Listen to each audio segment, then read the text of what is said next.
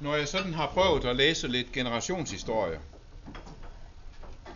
så har det slået mig, at øh, alle ældre har altid rokket sig, skældt ud på de unge.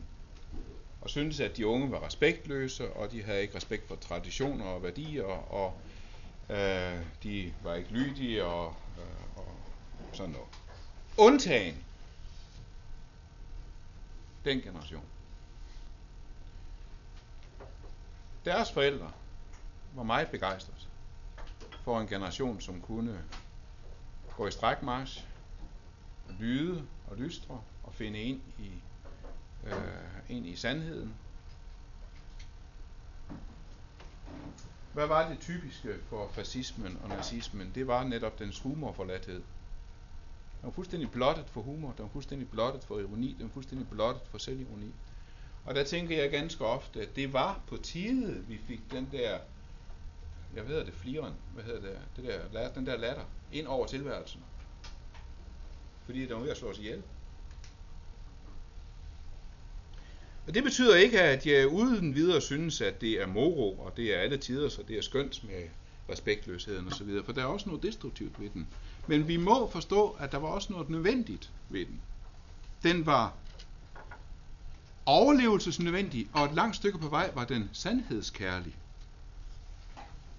Respektløsheden var et stykke sandheds, er et stykke sandhedskærlighed, fordi man blev så træt af løgnen i det lige fremme øh, alvorlige øh, udsagn. Så det er nok grunden til, at øh, den første overskrift, det var, at øh, tiden er respektløs. Det nutidige menneske er respektløst. Øhm, vi skal lige have et citat fra en dansker. Han er ikke kristen, øh, eller det ved jeg ikke, men han er kommunikationsforsker. Ironien er fundamentalismens modsætning. Og der skal I forstå, han taler ikke om fundamentalisme som et bestemt bibelsyn. Men det er netop skråsikkerheden i alle dens udgaver.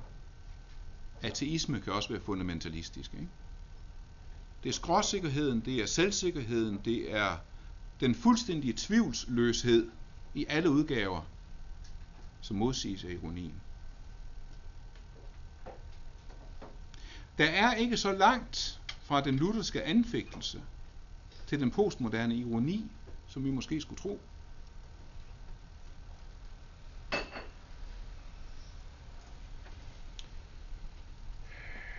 Også når, selvom, ja, vi skal ikke beskytte hinanden vel, så jeg tager lige en øh, plakat, som jeg så i USA. Det var en ungdomsmenighed, der havde lavet den her. Of course, people with pierced body parts are welcome in our church. Og så kan man sige, den er godt nok til kanten, ikke også? Altså, det er det ikke for mig. Jo, det er det nok for min generation. Men ved I hvad? De unge har jo ret, at hvis ikke, min, hvis ikke vores, den korsfæstedes menighed skulle kunne give rum for de piercede, hvem skulle så? Jamen, kan de ikke tage Kristus alvorligt? Jo, mærkeligt nok.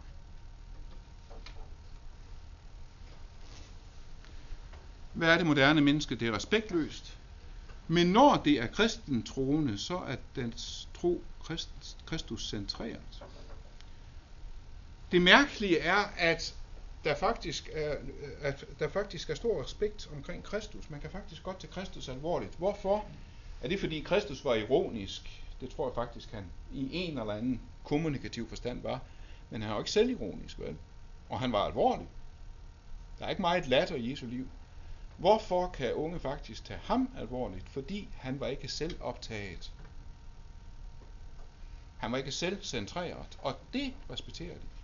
Det ser de som noget enestående. Og der må endelig, kan vi sige, endelig har vi en fordel her. Fordi vores tro og vores forkyndelse har altid været Kristus centreret. Vi har altid haft, i hvert fald i princippet, i centrum en person og ikke et system.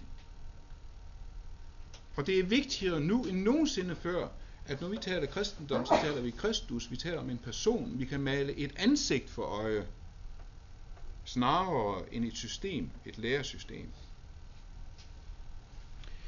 Og det kommer jo så også an på, hvad er det for et billede, vi tegner af Kristus.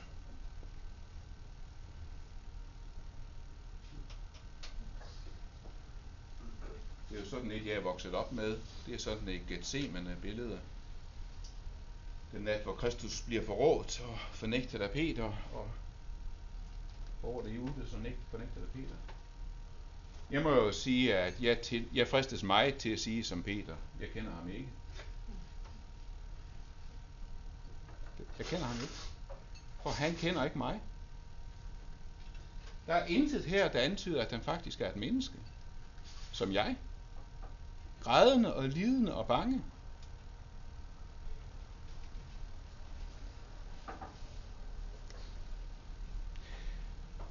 Jeg har lagt mærke til, at for eksempel i dansk forkyndelse, sådan, hvad skal jeg sige, måske sådan mere liberal forkyndelse, er det blevet meget almindeligt at forkynde om Gud sådan i meget filosofiske kategorier. Gud er sådan det større. Han er øh, universets sjæl. Han er tydningen. Øh, og, og så videre. Han er ikke nogen han, vel altså. Man taler sådan meget øh, sådan højpandede, meget intellektuelle kategorier. Øh, fordi man er så bange for at blive primitiv og søndagsskoleagtig og barnlig. Det er fordi, det er sådan noget, folk kan forbinde noget med i dag. Ikke sådan en person, der sidder deroppe, eller altså sådan en gammel mand, men, men sådan, at Gud er sådan tydningen af vores liv, og øh, den, som er større end alt, og så videre. Og resultatet er, at ingen forstår en lyd. Ikke også? Og hvad gør de så? De går i stedet ind og ser The Passion of the Christ. Hvor Gud faktisk er blevet menneske som jeg. Lige så bange som jeg, med sveden havlende af ansigtet som blodstråler. Mennesker i dag kan faktisk se Kristus komme til dem med kærlighedens autoritet. Kærlighedens autoritet, som aldrig byder over mennesker uden at elske dem. Og den autoritet er anderledes. Ingen autoritet i dag kan slippe afsted med at byde over mennesker, uden de føler sig elsket. Uden de føler sig set. Det tredje, det er, at det havde autoriteter. Det havde autoriteter. Og nu ved jeg godt, at det er, der, der er sådan en reaktion i tiden, en, en ny konservativ reaktion, hvor man sådan er blevet træt af ungdomsoprøret, og, og øh, man igen begynder at efterlyse synlig ledelse og stærke skikkelser, stærke førerskikkelser, chefer, der sådan kan skære igennem og så videre. Er det ikke en tilbagevenden til gamle tiders autoritet? Det tror jeg ikke på. En hver af jer, som har været chef, ved, at når der efterlyses synlig ledelse og stærke chefskikkelser, der sådan kan skære igennem og sætte ting på plads, så er det at skære igennem og sætte ting på plads over for de andre. Men der er ikke over for mig. Hvis chefen skærer igennem over for mig og sætter mig på plads, så husker jeg da pludselig min, min autonomi og mine rettigheder. Han skal ikke komme her. Så det er på skrømt, det passer ikke. Tiden hader autoriteter. Accepterer kun autoriteter, så længe de siger det, jeg er enig i. Vi lever i interessante tider. Vi stoler ikke på regeringen, vi stoler ikke på retssystemet, vi stoler ikke på medierne, og vi stoler ikke på hinanden. Vi har undergravet enhver autoritet og enhver mulighed for at genopbygge. Interessant er ikke ordet. Det er opfyldelsen af enhver seksårigs ønskedrøm. Og det er præcis, hvad det er. Det er opfyldelsen af enhver seksårigs ønskedrøm. Og hvad sker der så, hvis man sætter to autoriteter op over for hinanden?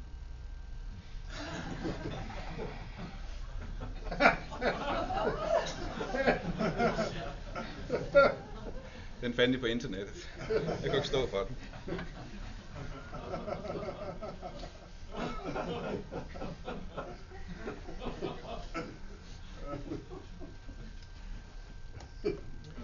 Fjerde, den fjerde overskrift, det er, at nutidsmennesket er selvcentreret. Og nu vender jeg tilbage til det.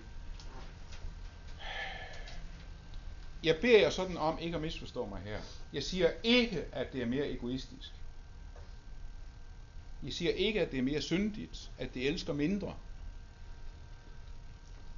Det er jo sådan en, en, en, en klassisk kristelig nostalgi, ikke også? At alting var meget bedre førhen, ikke også? Det tror jeg ikke på. Det er bare blevet anderledes. Hvis ikke vi håndterer det her rigtigt, hvis ikke vi forstår det rigtigt, så vil det være krænkende og fordømmende.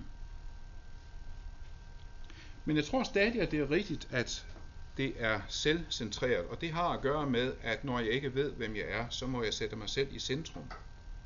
Jeg må hele tiden være optaget af mig selv.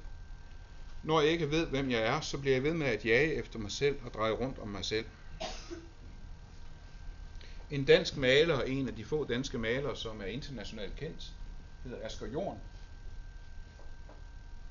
Øh, nogle af hans malerier, de er modifikationer af andre malerier. Han har taget sådan et, sådan et billigt øh, oliemaleri, sådan med en lille sø og små svaner. Og så har han drønet sådan en monster-ælling, lille and, ind på. Ikke også? Den hedder Den foruroligende ælling. The Disturbing Duckling. Den foruroligende ælling. Og den er meget foruroligende. Sig mig, hvad, hvad, er, er, hvad er det? Er den kødæder? Den virker på samme måde som de her tags, som, som, som unge sådan laver på øh, hen over en pæn marmorvæg, ikke også? Graffiti tags. Fordi jeg skal være her. Jeg klatter mig selv ind over alt, ikke også, for at sige, jeg har været her, jeg er her. Læg mærke til mig. Den her ælling, den er overhovedet ikke integreret i sin kontekst.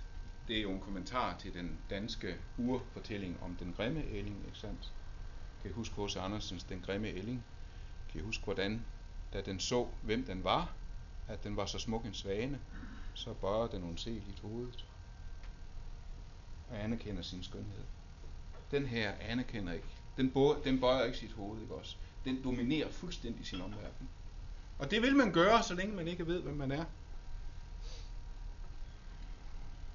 Hvad mener jeg med, at, at de er selvcentreret? Og øh, nu får jeg lige et citat fra John Irving, øh, ham som har skrevet øh, Verden ifølge Garp og The House Rules. Um,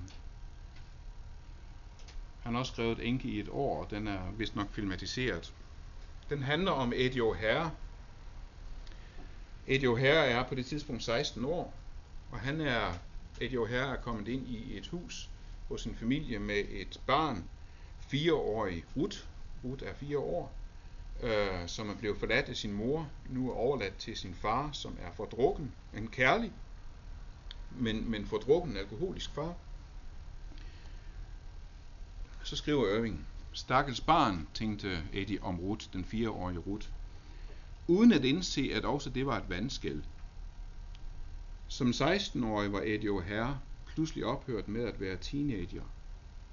Sådan at forstå, at han ikke længere var fuldstændig opslugt af sig selv, men var begyndt også at kunne føle omsorg for et andet menneske. Altså umiddelbart virker det her groft, ikke også? Jamen, kan en teenager ikke føle omsorg for andre? Er en 16-årig et undere menneske end en 26-årig? Nej. Men man vil nødvendigvis for en tid være opslugt af sig selv. Så det er ikke et spørgsmål om synd eller ondskab, det er et spørgsmål om plads. Der er simpelthen ikke plads for en tid til andre end mig. Og det er det, Finn Skårderødt kalder for den evige pubertet. Tidens narcissisme, det er den evige pubertet. Vi har simpelthen trukket teenage-tiden ud, sådan at vi alle sammen vi er blevet et folk, en kultur af teenager og tenåringer. Øhm, en af mine venner øh, har sagt, at enhver tenåring burde have et skilt på maven, hvor der stod lukket på grund af ombygning. Øh, det alt bygges om, alt, øh, alt laves om, alt er under rekonstruktion, og så er det simpelthen lukket for en tid. Din Vith citerer en punkrocker, som siger, jeg tilhører den tomme generation, the blank generation. Jeg har ingen overbevisninger. Jeg hører ikke til noget fællesskab eller tradition eller sådan noget. Jeg er faret vidt i denne enorme hvide verden. Jeg hører ikke til nogen steder. Jeg har overhovedet ingen identitet.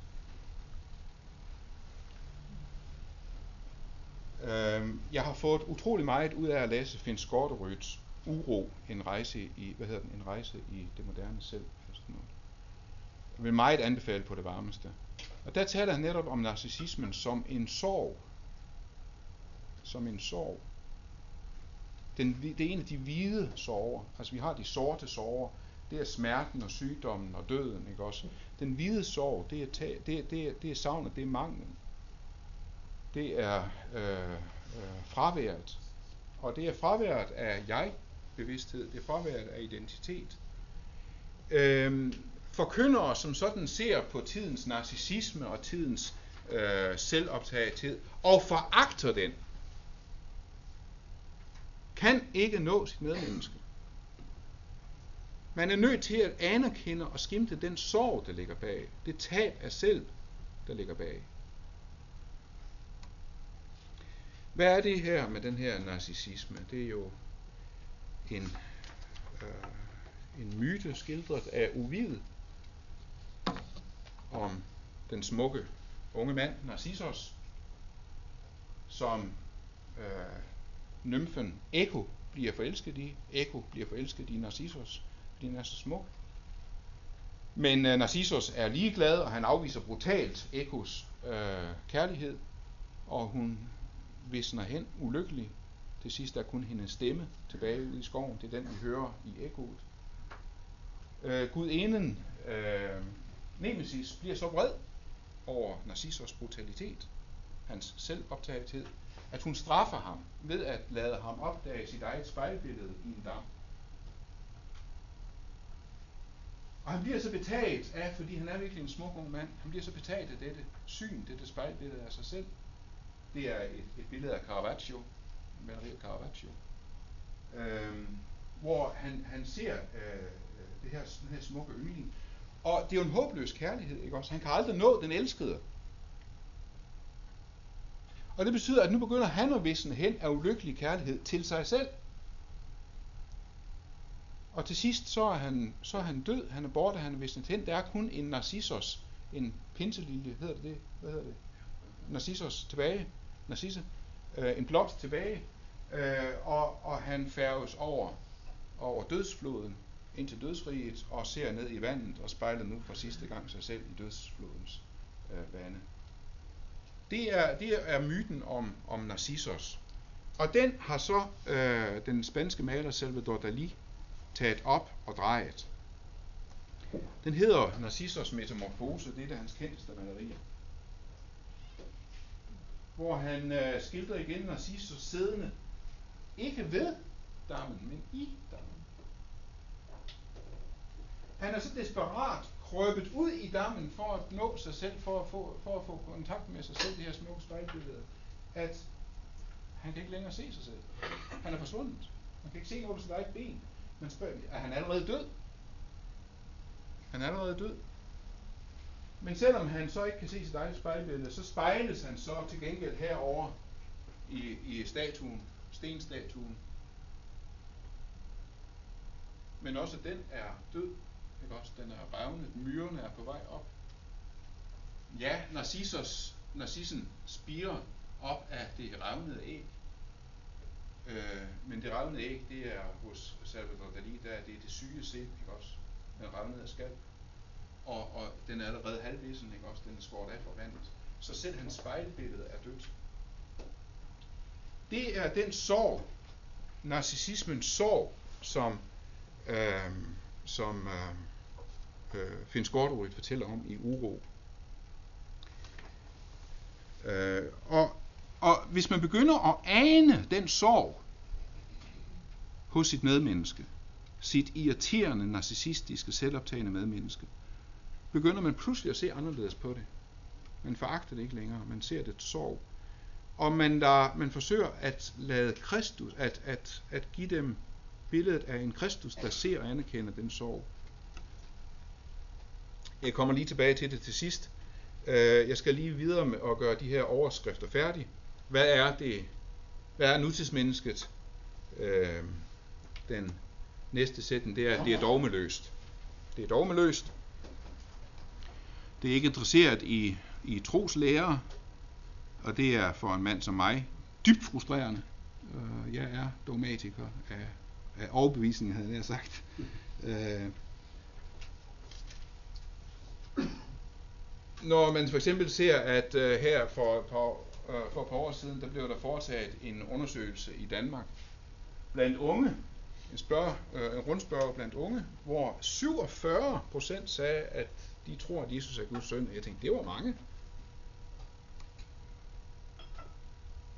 Der er kun 43 procent, der tror på Gud. Hvad? det kan da ikke være rigtigt. Altså, i, i det mindste, så må der... Nå, ja, I kan selv regne ud. Men altså, øh, det er fordi, de er ikke interesseret i, om ting hænger sammen. Om dogmet er korrekt. Men siger det mig noget? Føler jeg noget ved det? Er det relevant? Og man kan godt virkelig blive så frustreret over, at folk hele tiden spørger efter det her, men er det relevant? Hvor min generation, og jeg tror virkelig også Bibelen, er interesseret i, er det rigtigt? Men der spørger mennesker i dag, er det relevant? Og det kan man jo fnyse over. Man kan også forsøge at gøre det relevant. Man kan forsøge at gøre det relevant. For det er jo rigtigt, at folk kan faktisk ikke høre på ting, de ikke oplever som relevant. Så man kan godt forsøge at gøre det relevant min kone bruger samtidig et udtryk, når hun har hørt en, en prædiken, som har været fin. Den har udlagt, udlagt teksten, den har gennemgået teksten, den har fortalt en masse godt om kristendom og Kristus osv. Så bruger min kone samtidig et udtryk. Hvorfor går han ikke frem og tilbage mellem teksten og min hverdag? Hvorfor går han ikke frem og tilbage mellem teksten og min hverdag? Jeg kan sådan se det for mig, ikke også? Kunne da prædikanten prøve på at gå lidt frem og tilbage mellem mit liv og tekstens liv, mellem mit liv og Kristi liv. Da jeg var ung, der sagde vi samtidig om en forkynder, eller nogle forkyndere, at de gik ud fra teksten og vendte aldrig tilbage til den. Altså, de forlod simpelthen teksten. I dag oplever jeg næsten det stik modsatte problem. Mange forkyndere går aldrig ud fra teksten, de bliver stående i teksten, de udlægger teksten, de forklarer den, de udmaler den, men de går aldrig ud fra teksten, ud i mit liv, ud i min hverdag, og går frem og tilbage, og gør det relevant. I den her undersøgelse var det meget bemærkelsesværdigt, at hvis man så skulle krydse af, om man er meget lykkelig, ret lykkelig, ikke særlig lykkelig eller meget ulykkelig, gør det stort set ingen forskel, om man tror eller ikke tror. Stort set ikke. Der er ingen forskel. Og så spørger de unge, hvorfor skulle jeg så tro? Det er ikke relevant. Det virker næsten, I vil godt, ligesom et menneske, som har gået i psykoanalyse i 10 år. Ikke også? Vi går i psykoanalyse i 10 år, uge efter uge efter uge, flere gange om ugen. Og efter 10 år så får jeg at vide, at det handler da ikke om at blive lykkelig. Det handler bare om at være ulykkelig på en mere integreret måde. Ikke? Hvorfor skulle man blive kristen, hvis man ikke bliver mere lykkelig af det? Og det logiske svar, det er selvfølgelig, at det er for ikke at gå fortabt. Det er rigtigt. Det er ikke bare logisk, og det er ikke bare dogmatisk korrekt, det er det vigtigste svar i verden. Problemet er bare, at det opleves ikke relevant. Og så kan vi fnyse så forarvet vi vil, at det burde det være, det burde de opleve, men det svarer til at, som at bede en tenåring om at koncentrere sig om sin pension. Vi kan lige så godt sige, at det burde være relevant for dem, som at sige, at de burde spises, de burde kunne lide stegt lever, burde kunne lide Richard Wagners opera. Dernæst er det formfixeret. Formfixeret utrolig optaget af form, og det er noget af det vigtigste i det postmoderne. Øh, jeg ved ikke, om det simpelthen er fordi, man i dag har opdaget, hvor vigtig form altid har været. Det tror jeg måske snarere. At man i dag har opdaget, hvor vigtig form altid har været. Mere end man egentlig... Øh. Men, det, men samtidig kan man altså også blive lidt desperat, ikke også? Før i tiden, der kunne man anklage kirken for religionskrige og heksebrændinger og forfølgelse og fanatisme osv. I dag så er næsten den værste anklage mod kirken, det er, at den ikke er cool. Hellere gå fortabt på en cool og tjekket fasong, end, end at skulle udholde noget utjekket og ucool. Men den der dyrkelse af det, vi er vant til at kalde overflade, den stikker meget dybt. Og det handler ikke bare om underholdning, det handler om at blive taget alvorligt som medmenneske. Det handler om at blive taget alvorligt som menneske. At jeg også bliver mødt med krop. Altså øh, sådan en, en dansk gudstjeneste, en dansk højmesse, består stort set af to ting. Granitsten og ånd. Der er meget lidt kød, meget lidt krop, meget lidt snot og sved og tårer og blod i en dansk højmesse. Vi prøver på at henvende os til mennesker, som om de bestod af rent ånd.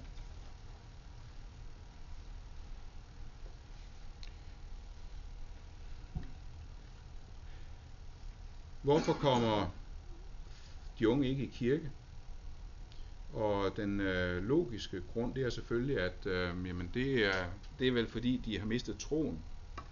Nej, det er det ikke. Vi ved ret meget, ret, ret meget om, hvorfor. 60% fordi det er kedeligt.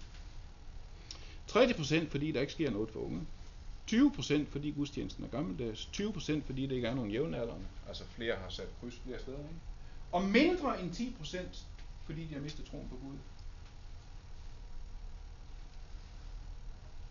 Og så kan vi godt skille ud og sige, så meget burde form ikke betyde, men det gør det altså. Og så øh, udmønter det for mig en dobbelt udfordring. Vi har en udfordring til tilhørende. Vi har en udfordring til de unge. Slap dog af. Vi gør vores bedste, og vi har ikke alverdens talentmasse. Vi skal ikke gå glip af det bedste budskab i verden, fordi vi samtidig er formmæssigt uhjælpelige. Men så har vi også en udfordring til forkynderne, og det er slap aldrig af. Arbejd med formen, arbejde med stemningen og følelsen, som om alt afhænger af det. Og der er meget mere, der afhænger af det, end vi tror. Hvorfor gider folk ikke komme i kirke? Fordi de ikke gider de foredrag, de forelæsninger. Det er meget mærkeligt at opleve, hvordan mange, præ- mange præster, når de står op på en prædikestol, de husker næsten at få det hele med sig. De husker deres bibel, de husker deres alterbog, de husker deres vandglas, de husker deres manuskript, de husker deres ur. De glemmer at tage sig selv med op. De glemmer at være til stede som et menneske. De bliver forelæsningsmaskiner.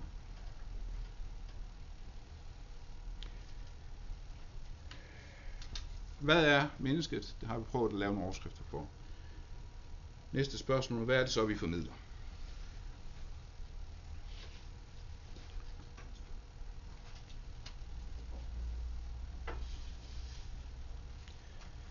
Når øh, jeg har læst en, en homiletisk bog, en bog om prædikenlærer, eller jeg har holdt et foredrag og, og så videre, så sidder jeg tit med den fornemmelse, og jeg bliver tit også stillet det spørgsmål, skal det virkelig være så indviklet? Er ordet ikke meget enkelt? Jo, ordet er virkelig enkelt. Guds ord er enkelt. Loven, det er alt det i Guds ord, som dømmer os. Evangeliet, det er alt det i Guds ord, som sætter os fri, og så er den ikke længere. Så enkelt er det. Og jeg vil sige, at hver gang jeg oplever, at en prædiken eller forkyndelse lykkes for mig, og jeg er glad for den, så er det, når det præcis blev så enkelt igen. Og jeg har, når jeg synes, at det gik ikke godt, så er det, når, når det blev for kompliceret, for indviklet. Okay.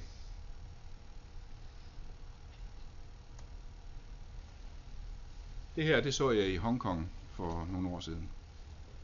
Det er et af de smukkeste, en smukkeste akvarel, jeg har set. Så enkel og indtagende, sådan en lille fugl der. Enklere bliver det bare ikke, vel? Det er ikke overlæsset med en masse stafage og virkemidler. Det virker netop ved sin enkelhed. Det må have været meget enkelt at lave sådan et billede, ikke? Nej. Det er utrolig vanskeligt maleren har skulle beherske utrolig meget om farve og penselstrøg og komposition, for at kunne lave så enkelt et billede. Det er utrolig vanskeligt at forkynde enkelt. Det er jo fortro, utrolig kompliceret at forkynde enkelt. Fordi, ja, ordet er enkelt, men vi er indviklede, vi er komplicerede. Og hver generation finder på nye måder at fordreje og komplicere og forvrænge evangeliet på og blande loven og evangeliet sammen. Og det er derfor, det bliver så indviklet at være forkynder.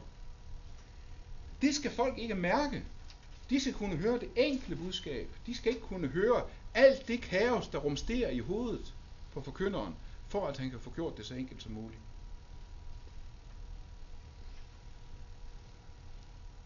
Hvad sker der, hvis man blander Guds lov og Guds evangelium sammen? Hvad sker der, hvis man blander Guds lov og Guds evangelium sammen? Jeg vil prøve at illustrere det med et billede fra øh, cirka 1450-tallet. Eller fra 1450. Det er et, øh, en maler, der hedder Petrus Christus. Petrus Christus. Og det er jo et forsonerbillede, når Kristus står der med, sit, med, med sine sår, så er det jo ikke blot over for os, han viser sine sår frem, men det er over for faderen. Han træder frem som soner for, for soner for vores synd. Så det kan jo på sin vis ikke være bedre, og vi har sandelig loven med evangeliet, ikke også? Vi har englen her med liljen, med nådes symbolet, og vi har englen med, med sværet, med, med dommen, med loven. Problemet her er bare, at sådan en betragter der fra 1400-tallet kan jo godt genkende billedet. Det er jo et fyrsteportræt. Det er jo et fyrsteportræt med, med tjenere, med, med brokadetæppet, med fyrstekronen. Ikke også? Jo, tårnekronen, den er der da, men der er den her fyrstekrone også.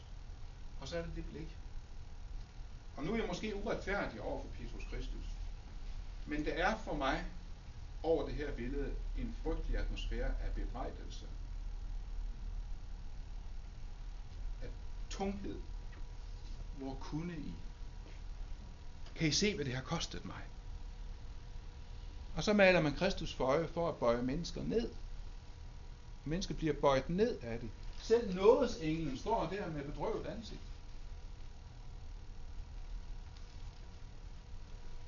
Og der er utrolig meget forkyndelse, hvor vi forkynder Kristus som korsfæstet. Hvor vi forkynder Guds nåde, som bøjer mennesker ned, i stedet for at rejse dem op og sætte dem fri.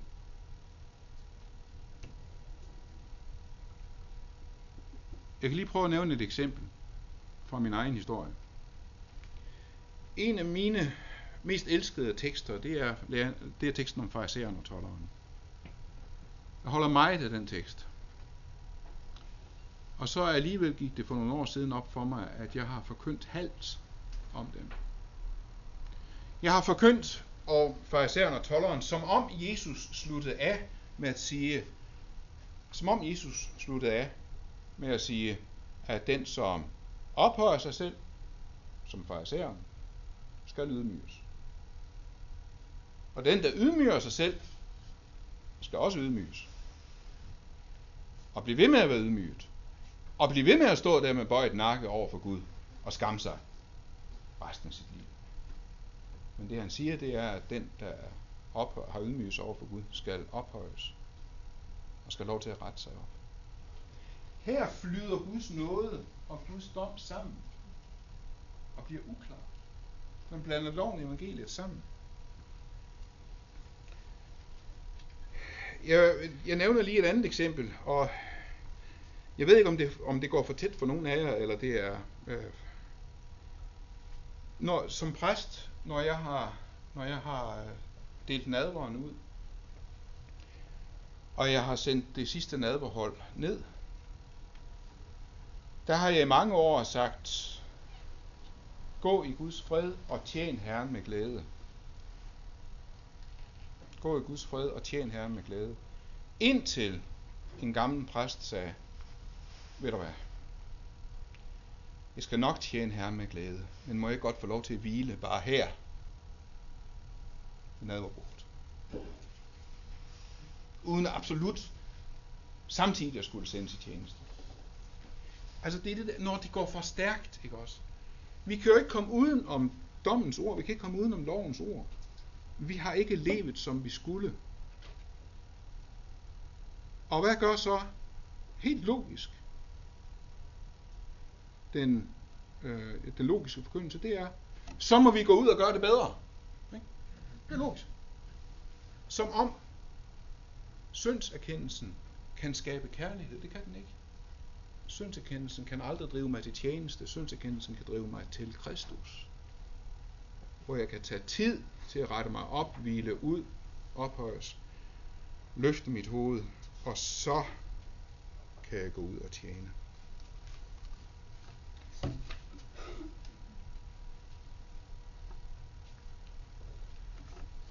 Hvorfor spørger folk ikke om Guds nåde?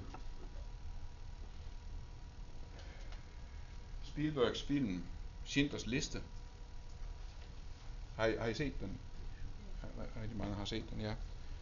Hvor øh, Schindler jo prøver på at få den her sadistiske koncentrationslejrkommandant Amon Goth til at øh, holde op med at myrde jøder sådan øh, så efter behag. Og i stedet for at sige, det må du ikke, og tale til hans samvittighed, fordi han har ingen samvittighed, så udmaler han i stedet for, øh, han er sådan en rigtig manipulator, han udmaler så i stedet for, øh, hvilken magt der ligger i at sige, jeg benåder dig. Hvilken magt det er sådan at, at, at skyde nuler og benåde andre. Og man kan så se ham ved spejlet der stå og, og øve sig i, jeg benåder dig. Problemet er, at når vi vil forkynde mennesker om Guds nåde, og vi er vant til i vores ører, i vores sprogbrug, vores kristelige kode, der er det det største og frieste og mest oprejsende af alt. Men de hører det der. En Gud, der nedladende siger, jeg benåder dig. Jeg lader dig slippe. Vi forkynder nåden som benådning, og ikke som retfærdiggørelse og oprejsning og ny værdighed. Du er intet værd. Og så er det måske ikke så mærkeligt, hvis folk de ikke længere spørger efter en nådig Gud. Jeg kunne ikke lade være med at, at, at sammenligne det her billede øh, med, med, med, med det her to, 200 senere. Det er Velasquez, 1650. Jeg så det på, øh, på Tate Britain i London. Og jeg kunne ikke forstå, jeg, jeg vendte hele tiden tilbage til det. Jeg kunne ikke komme fra det. Hvorfor? Jeg, jeg kunne ikke forstå det, fordi jeg, jeg var faktisk irriteret på det der barn der. Så, så, det var rigtig sentimentalt, sådan klichéagtigt. Indtil det gik op for mig, det er ikke barn. Billedet hedder Kristus efter udflætningen betragtet af den kristne sjæl, contemplated by the Christian soul, betragtet, kontemplerer den kristne sjæl. Det er en metafor i den kristne sjæl. Barnet er ikke presset ned af englen her, presset ned på knæ af skyld, og du er ingenting værd, men er ledet lige til til synet af Kristus. Og den her spinkle stråle, det er ikke sådan en hammerstråle af bebrejdelse og dom, men det er en spinkel stråle af kærlighed i barns hjerte. Ind i mit hjerte. Og det barn, det kan elske frit igen.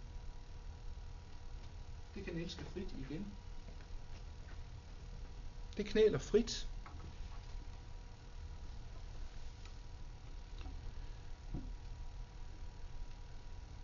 Afsløret. Befriet og forpligtet. Det er rækkefølgen. Man kan ikke bytte om på det. Man kan ikke begynde med forpligtelsen, ende i befrielsen og gå over til, til, til øh, øh, afsløringen midtvejs. Afsløret, det er lovens ord. Befrielsen, oprejsningen,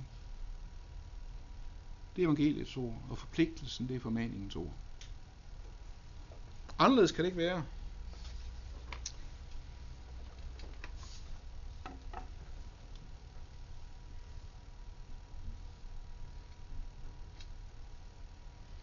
Til at hoppe i det.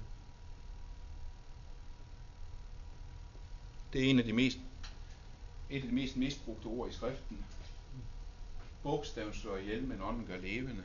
Altså hvad jeg har hørt om røvl og sludder om det vers. Ikke også? Bogstaven slår ihjel, ja, det, det, er, jo, det er jo bibelord. Det kan godt være, at det står sådan i Bibelen, men det er jo bare bogstaver, ikke også? Ånden, det er sådan, gør levende, ikke også? Eller, eller det var en meget kedelig prædiken, fordi han havde manuskript, ikke også? Og med alle de bogstaver, så bliver det jo dødt. Nej, hvis nu sådan havde lagt manuskriptet væk, og sådan talt sådan ud fra ånden, ikke også, så er det meget mere levende. Men hvad er det, han, hvad er det Paulus taler om? Når dødens tjeneste indhugger de sten og bogstaver. Bogstaven, det så ihjel, det er loven. Det er dommen. Det er de her ti bud hugget ind. Den slår ihjel. Den havde sin herlighed. Hvor meget mere vil så ikke åndens tjeneste have sin herlighed? Når den tjeneste, der fører til fordømmelse, havde sin herlighed, så er den tjeneste, der fører til retfærdighed, til retfærdiggørelsen, langt rigere for herlighed. Herren er ånden, og hvor Herrens ånd er, der er der frihed. Der er der frihed.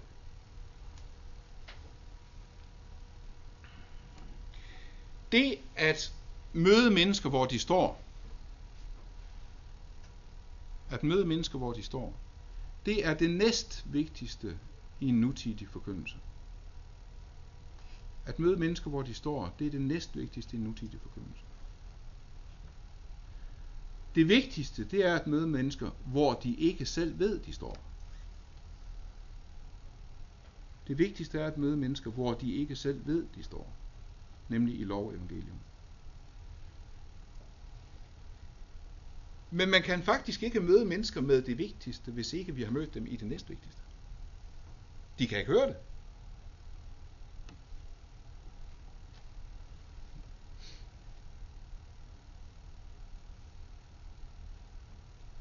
Lad os lige prøve at, at illustrere det ved, at nu, nu forkynder jeg baglæns. Nu bytter vi rundt på det. Nu tager vi det bagfra. Hvad sker der, hvis man forkynder formaning for mennesker, der ikke ved, hvad noget er? Altså, jeg begynder med forpligtelsen. Du bør. Du skal. Hvis ikke de kender nåden, ikke bare sådan teoretisk, men ikke hviler i nåden, så gør jeg dem til trælle, enten til hormodige eller til slaver, til fortvivlede, hvis jeg forkynder formaning for mennesker, der ikke ved, hvad noget er. Eller, hvad sker der, hvis man forkynder nåden for mennesker, der ikke ved, hvad synd er? Hvad sker der, hvis vi forkynder befrielsens ord, nådens ord for mennesker, som ikke ved, hvad synd er? Hvad, forker, hvad sker der, hvis jeg forkynder nåden for farisæeren? Ja, han bliver endnu mere skråsikker, endnu mere selvretfærdig. De ved ikke, hvad synd er. Jeg beroliger dem til helvede. Det her, ved enhver klassisk luthersk forkyndelse. Det er børnestof, det er øh, øh, helt elementært, i, en, i hvert fald i princippet, i en øh, hver forkyndelse. Men hvad sker der, hvis man forkynder synd for, for mennesker, der ikke ved, hvem de selv er? Og det plejer vi ikke at spørge om. Vi begynder med loven, fordi vi skal begynde med afsløring, så kommer befrielse, så kommer forpligtelse. Så vi begynder med loven, vi begynder med dommen, vi, begynder med, vi fortæller om synd, ikke også? Men folk ved ikke, hvem de er. Og de kan ikke bære det, de kan ikke høre det, de går i stykker på det. Et menneske, der ikke ved, at det er skabt i Guds billede, et menneske, der ikke ved, hvem det selv er, kan ikke høre om synd. Det går i stykker.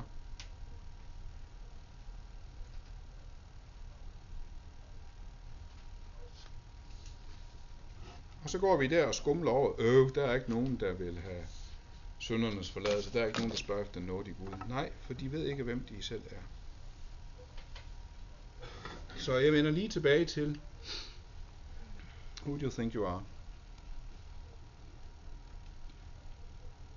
Vi har forrådt skabelseslæren. Vi har forrådt skabelseslæren. Jamen det er da os, der forsvarer den. Ikke? Imod evolutionismen og darwinismen. Ikke? Også, vi forsvarer skabelseslæren. Ja, men vi forkynder den ikke. Vi forkynder den ikke. Ah, det gør vi da. Skønner bliver det da ikke. Og vi taler da meget om sådan skaberværket i naturen, og Guds skønhed, og, og Guds kreativitet i naturen osv. Ja, men vi taler jo ikke om det største i skaberværket.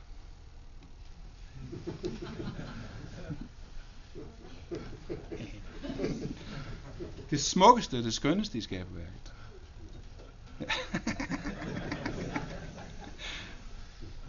Det er ufatteligt, hvor mange, for eksempel i, jeg ved ikke med den norske salmebog, men i den danske salmebog, samtlige salmer om skabelsen og forsynet handler om naturen.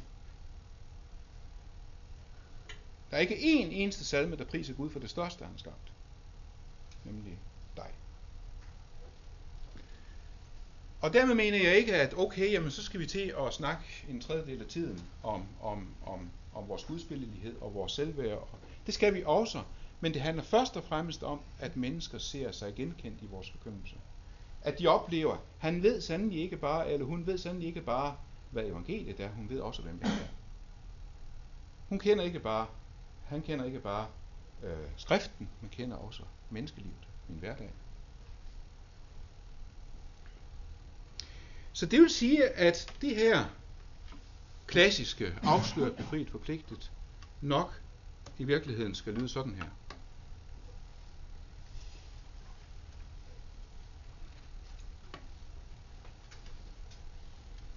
Skabt, afsløret, befriet, forpligtet. Hvis ikke jeg ved, hvem jeg selv er, hvis ikke jeg ser mig elsket af Gud, så kan jeg ikke høre lovens ord. Jeg kan ikke høre dommens ord.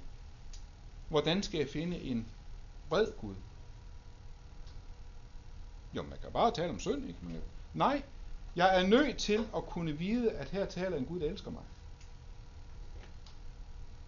Hvis dommens ord gør det mindre troværdigt for mig, at jeg elsker dig Gud, og at jeg har været i hans blik, så har jeg forkyndt forkert.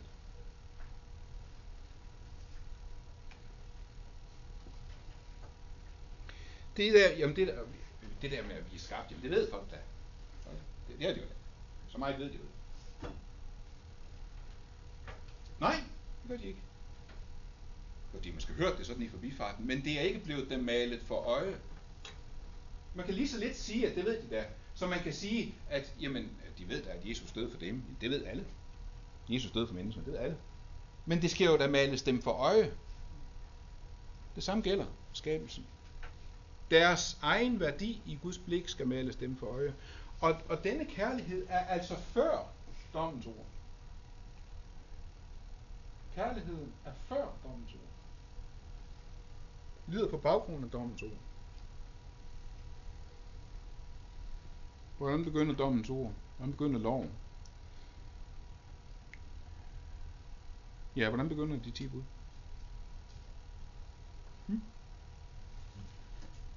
Skal ikke andre guder mig? Jeg er Herren din Gud. Ja. Dommens ord begynder ikke med dommen, men jeg er Herren din Gud.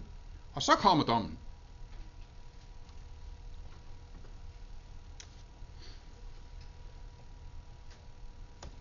Jeg holder mig til det her billede. Det er Duccio di Buonsenja. Det er, øh, det er måske fordi, det sådan er lidt tegneserieagtigt. Øh, det er helbredelsen af den blinde, hvor først Jesus helbreder den blindes øjne, hans fysiske syn, og så drejer manden sig rundt i samme billede som i en tegneserie, og, og takker Gud. Nu bliver også hans åndelige syn, hans tro helbredt. Øh, jamen, hov lige et øjeblik. Jesus har da lært, at vi skal søge Guds rige først. Jesus har da lært os, at et er fornødent, et er nødvendigt. Mm, Maria valgte den gode del. Det er det ene er nødvendigt. Det er åndelige, det evige. Det mærkelige er jo, at Jesus som belærer, som fortæller Maria og Martha, at et er nødvendigt, slider sig op som en Martha, for at række os det næstvigtigste, det sekundære. Jamen det, det er det her, der er centrum, ikke? Jo, men vi har aldrig fået lov til at reducere Guds ord til det centrum. Vi har aldrig fået lov til at reducere Guds ord til det centrum. Så vi vender tilbage til, hvem var det nu, vi var? Descartes forslag er, jeg tænker altså er, Armanis forslag, i sense, therefore I am, Jeg therefore derfor am. Og så kommer Piero della Francesca, cirka 1450-tallet, Johannes' dåb, øh, Jesu dåb af Johannes. Prøv lige at se det ansigt. Det man jo kunne vente, det var, at øh, han sådan ville se over mod Johannes, der døber ham. Han der døber ham. Eller han sådan ville skue ud mod horisonten, eller op mod himlen, hvor røsten har lyttet, ikke også? Men han ser nedad. Han ser næsten indad. Hvorfor? Fordi røsten har lige lyttet. Du er min søn, den elskede, i dig her vil. Nu koncentrerer sig Jesus sig om, hvem er det nu, jeg er? Jeg er Guds elskede søn. Jeg har hans velbehag. Hvad er det, Kristus siger? Jeg er den, jeg er. Descartes, jeg tænker altså jeg. Armani og sensor for jer. Jesus siger, jeg er den, jeg er. Jamen, det kan jeg da ikke sige, vel? Jeg er ikke Gud. Nej. Men jeg er kun lidt ringere end Gud. Jeg bærer faktisk Guds billede. Og selvom jeg ikke er den, jeg er, så er jeg mig. Hvad vil det sige? Jeg nævner lige, nu går det lidt stærkt her til sidst, kan jeg godt se, men der er ikke lige han det gør. Uh, øh, en dansk forfatter, Leo Tandrup, han er kunsthistoriker, uh, vist nok egentlig en gammel marxist. Øh, uh, Mephistos Mareridt, den var meget forstyrrende bog. Øh, anmelder vidste ikke rigtig, hvad de skulle stille op med den. Der gik flere måneder, før de først begyndte at anvende den. Han har nogle meget, meget mærkelige betragtninger over vestlig kultur og over postmoderne kunst. Han siger blandt andet, at det vigtigste, den vestlige kultur har givet verden, det er skriftestolen. Og så formulerer han sætningen, jeg er skyldig, altså er jeg. Han formår og gøre det til en del af mit værd, at jeg er skyldig. Det er ikke noget, som konflikter med mit værd. Tværtimod, jeg har lov til at være oprejst og skyldig. Jeg er skyldig, altså er jeg. Hvor rigtig mange har den fornemmelse af, at, at, at syndserkendelse knuser mig. Der er det i Kristus og hos, øh, i, i, i Bibelen og hos, øh, hos Tendrup en del af mit menneskeværd. Der er en af mine øh, gode venner, som øh, hun er uddannet psykolog, da hun sådan var forholdsvis nyuddannet, kom hun en gang til at sidde og snakke med en, en, en ældre herre øh, på, på sygehuset. Og øh, øh, han er jo sådan en, en øh, meget Øh, succesrig karrieremand.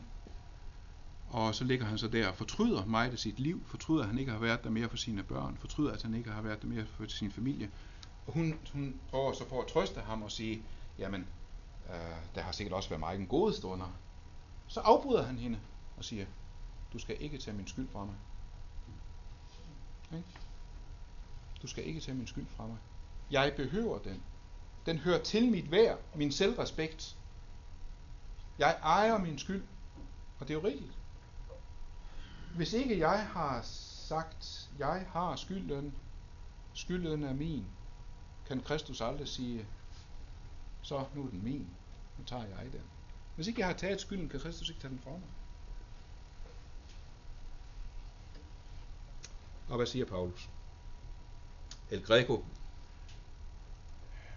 han siger, at Guds nåde er hvad jeg. Af Guds nåde er jeg, hvad jeg er.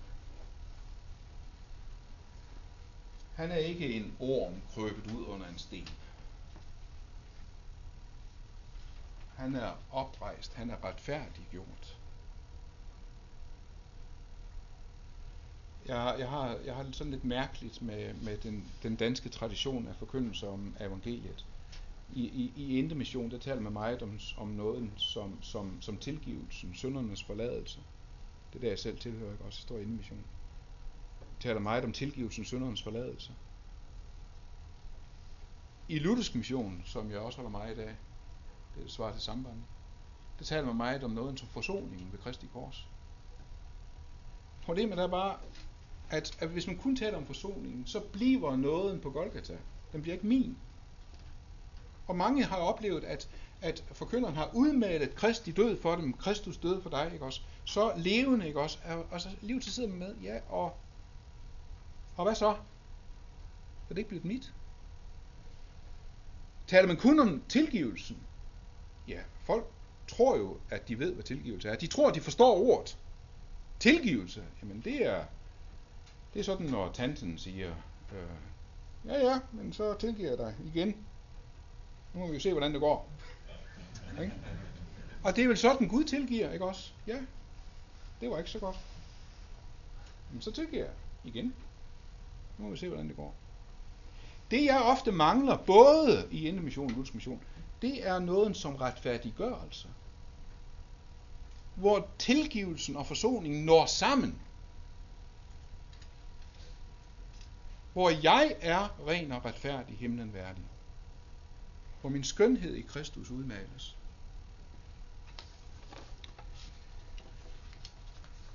Jeg skal så slutte, og det gør jeg ved. springe over det meste af resten. Og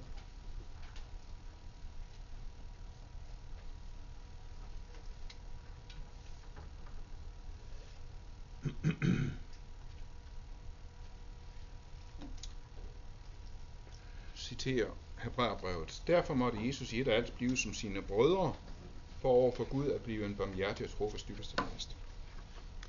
Selv Gud blev som os. Selv Gud blev som os. Blev menneske som os. Det kan ikke forkyndes af en præst, der ikke også er blevet menneske, eller en forkynder, der ikke også er blevet menneske. Og det vil jeg godt illustrere ved tre malere, så, så, så skal jeg nok holde tre malere, som alle illustrerer samme begivenhed, nemlig kvinden, der greb i hår. Kvinden, der greb i. Først Tintoretto, det er alle fra, fra 1500-tallet, midt i 1500-tallet, hvor Jesus har sagt, at øh, de er som uden synd kan jo kaste den første sten, de er allerede på vej bort. Heller ikke jeg fordømmer dig. Gå synd for nu er ikke mere. Det er jo fint. Men øh, prøv lige at se den afstand. Jesus sidder med, hun står op, han har glorie på. De er med front imod hinanden. Og måske er det en overtolkning, men jeg må tilstå, at jeg ser det sådan, at hun står der lige så ydmyget under hans nåde, som under de andres dom. Nåden er ydmygende. Det er Tintoretto. Lukas Kranak, den ældre fra Tyskland, har taget samme motiv, men vendt det. Jesus har rejst sig op. Han har lagt glorien. Han har stillet sig over på hendes side. De er ikke med front imod hinanden. Så står han på hendes side med front imod dommerne. Og holder hende om hånden. Det at stille sig over på menneskets side, er jo det, Kristus gør.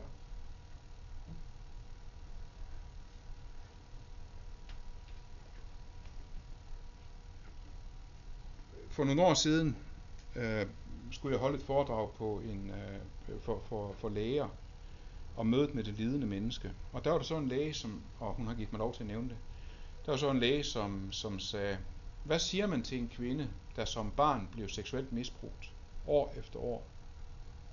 Og hun lå der og stille og tavs og bad til Gud, om det godt måtte stoppe. Det, bad, det har stoppet aldrig. Nu kan hun ikke klare at komme i kirke. Hun kan risikere, at man skal synge, lille Guds barn, der skader dig?